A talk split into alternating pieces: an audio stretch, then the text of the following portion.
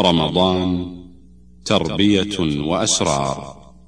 برنامج من إعداد وتقديم الشيخ محمد ابن إبراهيم الحمد. الحمد لله وحده والصلاة والسلام على من لا نبي بعده.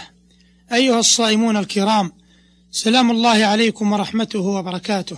أما بعد فإن الفرح مطلب ملح وغاية مبتغاه وهدف منشود. والناس كل الناس يسعى إلى فرح قلبه وزوال همه وغمه وتفرق أحزانه وآلامه. ولكن قل من يصل إلى الفرح الحقيقي ويحصل على السعادة العظمى وينجو من الآلام والأتراح. والحديث معاشر المستمعين في الدقائق التالية سيدور حول معنى الفرح وأسبابه وموانعه. وبعد ذلك نصل إلى معنى الفرح في الصيام وكون هذا الشهر الكريم شهر فرح. أيها المستمعون الكرام الفرح لذة تقع في القلب بإدراك المحبوب ونيل المشتهى فيتولد من إدراكه حالة تسمى الفرح والسرور. كما أن الحزن والغم من فقد المحبوب فإذا فقده تولد من فقده حالة تسمى الحزن والغم. والفرح أعلى نعيم القلب ولذته وبهجته. فالفرح والسرور نعيمه والهم والغم عذابه. والفرح بالشيء فوق الرضا به فإن الرضا طمأنينة وسكون وانشراح. والفرح لذة وبهجة وسرور فكل فرح راض وليس كل راض فرحا. ولهذا كان الفرح ضد الحزن والرضا ضد, ضد السخط. والحزن يؤلم صاحبه والسخط لا يؤلمه إلا إذا كان مع العجز عن الانتقام. ولقد جاء الفرح في القرآن على نوعين مطلق ومقيد. فالمطلق جاء في الذم كقوله تعالى لا تفرح إن الله لا يحب الفرحين. وقوله عز وجل إنه لفرح فخور. والفرح المقيد نوعان أيضا مقيد بالدنيا ينسي صاحبه فضل الله ومنته وهو مذموم كقوله تعالى حتى إذا فرحوا بما أوتوا أخذناهم بغتة فإذا هم مبلسون. والثاني فرح مقيد بفضل الله ورحمته وهو نوعان أيضا. فضل ورحمة بالسبب وفضل بالمسبب. فالأول كقوله قل بفضل الله وبرحمته فبذلك فليفرحوا هو خير مما يجمعون. والثاني كقوله فرحين بما آتاهم الله من فضله. ولقد ذكر الله سبحانه الأمر بالفرح بفضله ورحمته عقيب قوله عز وجل يا أيها الناس قد جاءتكم موعظة من ربكم وشفاء لما في الصدور وهدى ورحمة للمؤمنين. ولا شيء أحق أن يفرح, به العبد من فضل الله ورحمته التي تتضمن الموعظة وشفاء الصدور من أدوائها بالهدى والرحمة.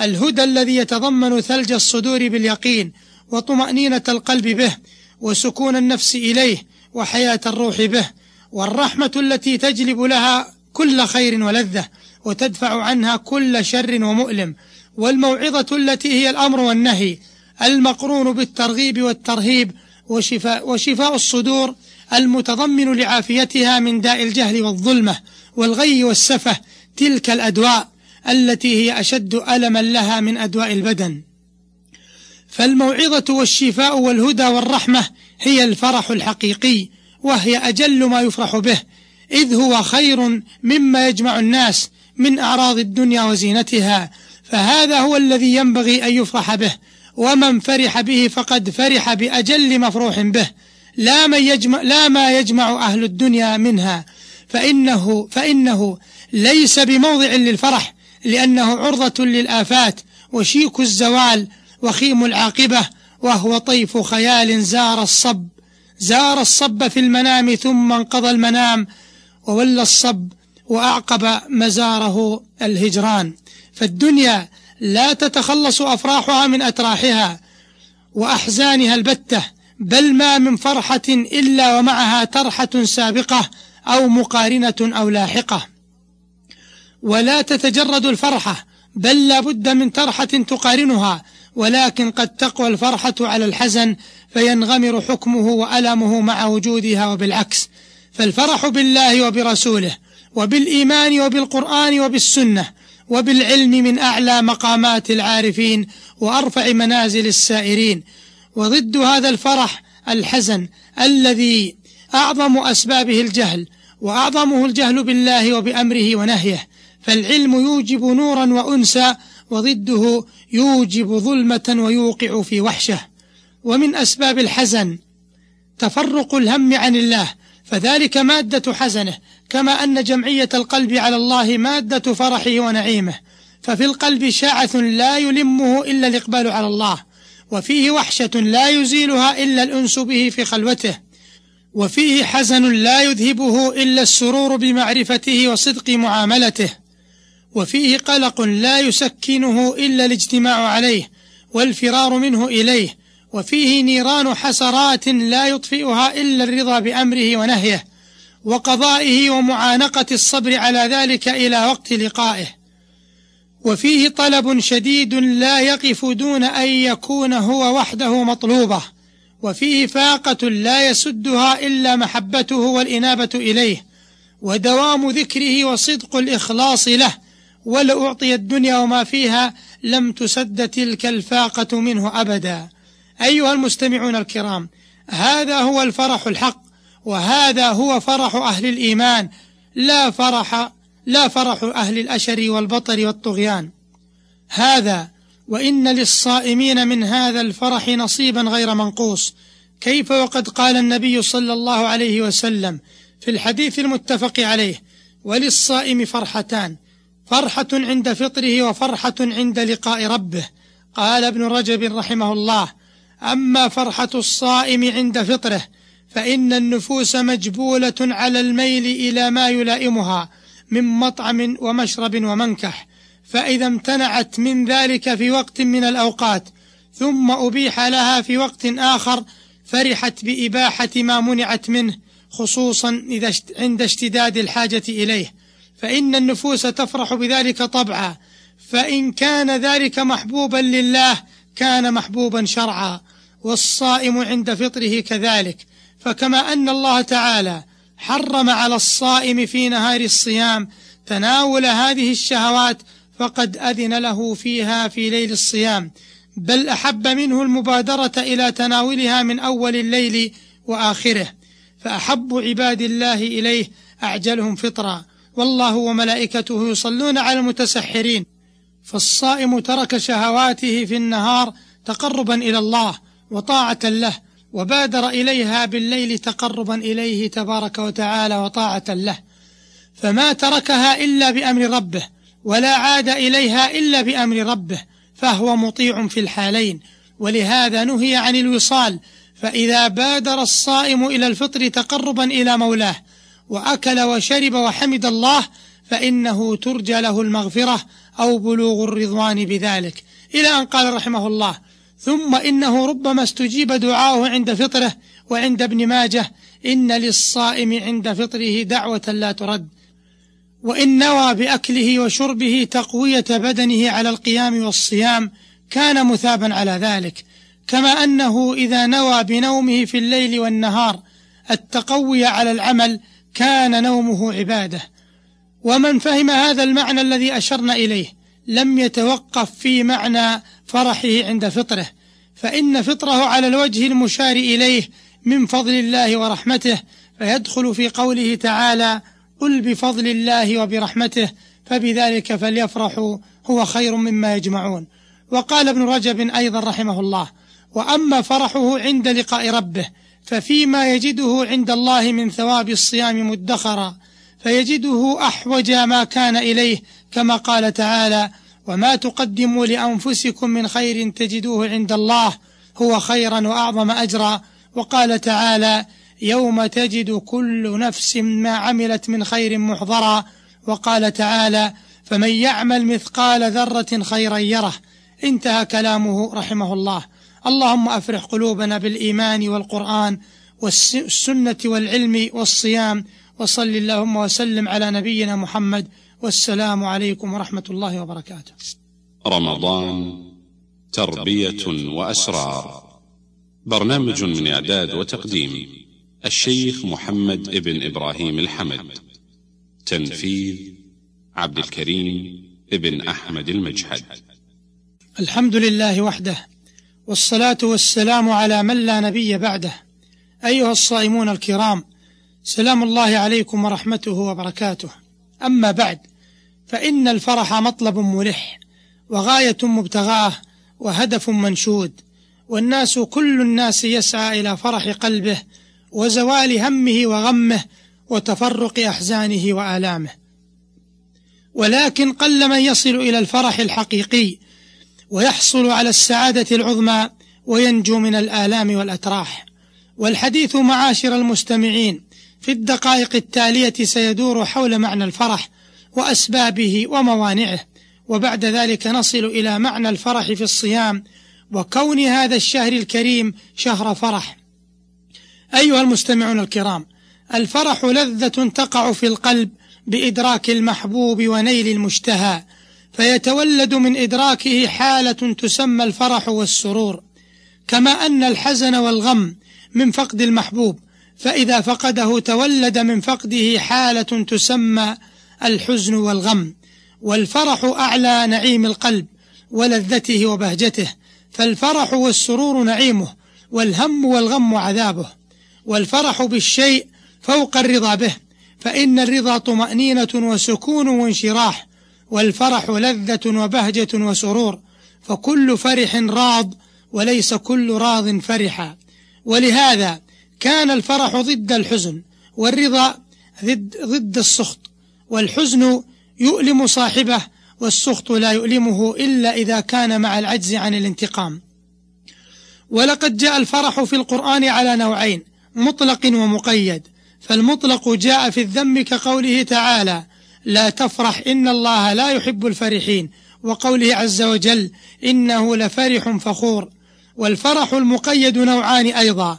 مقيد بالدنيا ينسي صاحبه فضل الله ومنته وهو مذموم كقوله تعالى حتى إذا فرحوا بما أوتوا أخذناهم بغتة فإذا هم مبلسون. والثاني فرح مقيد بفضل الله ورحمته وهو نوعان أيضا. فضل ورحمة بالسبب وفضل بالمسبب. فالأول كقوله قل بفضل الله وبرحمته فبذلك فليفرحوا هو خير مما يجمعون. والثاني كقوله فرحين بما آتاهم الله من فضله. ولقد ذكر الله سبحانه الأمر بالفرح بفضله ورحمته عقيب قوله عز وجل يا أيها الناس قد جاءتكم موعظة من ربكم وشفاء لما في الصدور وهدى ورحمة للمؤمنين. ولا شيء أحق أن يفرح, به العبد من فضل الله ورحمته التي تتضمن الموعظة وشفاء الصدور من أدوائها بالهدى والرحمة. الهدى الذي يتضمن ثلج الصدور باليقين وطمأنينة القلب به وسكون النفس إليه وحياة الروح به والرحمة التي تجلب لها كل خير ولذة وتدفع عنها كل شر ومؤلم. والموعظة التي هي الأمر والنهي المقرون بالترغيب والترهيب وشفاء, وشفاء الصدور المتضمن لعافيتها من داء الجهل والظلمة والغي والسفة تلك الأدواء التي هي أشد ألما لها من أدواء البدن. فالموعظة والشفاء والهدى والرحمة هي الفرح الحقيقي وهي أجل ما يفرح به إذ هو خير مما يجمع الناس من أعراض الدنيا وزينتها فهذا هو الذي ينبغي أن يفرح به ومن فرح به فقد فرح بأجل مفروح به. لا, من يجمع لا ما يجمع أهل الدنيا منها. فإنه, فإنه ليس بموضع للفرح لأنه عرضة للآفات وشيك الزوال وخيم العاقبة وهو طيف خيال زار الصب. زار الصب في المنام ثم انقضى المنام وولى الصب وأعقب مزاره الهجران. فالدنيا لا تتخلص أفراحها من أتراحها وأحزانها البتة بل ما من فرحة إلا ومعها ترحة سابقة أو مقارنة أو لاحقة. ولا تتجرد الفرحة بل لا بد من ترحة تقارنها ولكن قد تقوى الفرحة على الحزن فينغمر حكمه وألمه مع وجودها وبالعكس. فالفرح بالله وبرسوله وبالإيمان وبالقرآن وبالسنة وبالعلم من أعلى مقامات العارفين وأرفع منازل السائرين. وضد هذا الفرح الحزن الذي أعظم أسبابه الجهل وأعظمه الجهل بالله وبأمره ونهيه. فالعلم يوجب نورا وأنسا وضده يوجب ظلمة ويوقع في وحشة. ومن أسباب الحزن تفرق الهم عن الله فذلك مادة حزنه. كما أن جمعية القلب على الله مادة فرحه ونعيمه ففي القلب شاعث لا يلمه إلا الإقبال على الله وفيه وحشة لا يزيلها إلا الأنس به في خلوته وفيه حزن لا يذهبه إلا السرور بمعرفته وصدق معاملته وفيه قلق لا يسكنه إلا الاجتماع عليه والفرار منه إليه وفيه نيران حسرات لا يطفئها إلا الرضا بأمره ونهيه. وقضائه ومعانقة الصبر على ذلك إلى وقت لقائه. وفيه طلب شديد لا يقف دون أن يكون هو وحده مطلوبة وفيه فاقة لا يسدها إلا محبته والإنابة إليه ودوام ذكره وصدق الإخلاص له ولو أعطي الدنيا وما فيها لم تسد تلك الفاقة منه أبدا. أيها المستمعون الكرام هذا هو الفرح الحق وهذا هو فرح أهل الإيمان لا فرح لا فرح أهل الأشر والبطر والطغيان. هذا وإن للصائمين من هذا الفرح نصيبا غير منقوص. كيف وقد قال النبي صلى الله عليه وسلم في الحديث المتفق عليه وللصائم فرحتان فرحة عند فطره وفرحة عند لقاء ربه قال ابن رجب رحمه الله أما فرحة الصائم عند فطره فإن النفوس مجبولة على الميل إلى ما يلائمها من مطعم ومشرب ومنكح فإذا امتنعت من ذلك في وقت من الأوقات ثم أبيح لها في وقت آخر فرحت بإباحة ما منعت منه خصوصا إذا عند اشتداد الحاجة إليه. فإن النفوس تفرح بذلك طبعا فإن كان ذلك محبوبا لله كان محبوبا شرعا والصائم عند فطره كذلك. فكما أن الله تعالى حرم على الصائم في نهار الصيام تناول هذه الشهوات فقد أذن له فيها في ليل الصيام بل أحب منه المبادرة إلى تناولها من أول الليل وآخره. فأحب عباد الله إليه أعجلهم فطرا. والله وملائكته يصلون على المتسحرين. فالصائم ترك شهواته في النهار تقربا إلى الله وطاعة له. وبادر إليها بالليل تقربا إليه تبارك وتعالى وطاعة له فما تركها إلا بأمر ربه ولا عاد إليها إلا بأمر ربه فهو مطيع في الحالين. ولهذا نهي عن الوصال فإذا بادر الصائم إلى الفطر تقربا إلى مولاه وأكل وشرب وحمد الله فإنه ترجى له المغفرة أو بلوغ الرضوان بذلك. إلى أن قال رحمه الله ثم إنه ربما استجيب دعاؤه عند فطره وعند ابن ماجه إن للصائم عند فطره دعوة لا ترد. وإن نوى بأكله وشربه تقوية بدنه على القيام والصيام كان مثابا على ذلك. كما أنه إذا نوى بنومه في الليل والنهار التقوي على العمل كان نومه عبادة. ومن فهم هذا المعنى الذي أشرنا إليه لم يتوقف في معنى فرحه عند فطره فإن فطره على الوجه المشار إليه من فضل الله ورحمته فيدخل في قوله تعالى قل بفضل الله وبرحمته فبذلك فليفرحوا هو خير مما يجمعون وقال ابن رجب أيضا رحمه الله وأما فرحه عند لقاء ربه ففيما يجده عند الله من ثواب الصيام مدخرا فيجده أحوج ما كان إليه كما قال تعالى وما تقدموا لأنفسكم من خير تجدوه عند الله هو خيرا وأعظم أجرا. وقال تعالى يوم تجد كل نفس ما عملت من خير محضرا. وقال تعالى فمن يعمل مثقال ذرة خيرا يره. انتهى كلامه رحمه الله. اللهم أفرح قلوبنا بالإيمان والقرآن والسنة والعلم والصيام وصل اللهم وسلم على نبينا محمد والسلام عليكم ورحمة الله وبركاته. تم تنزيل هذه المادة من موقع نداء الإسلام www.islam-call.com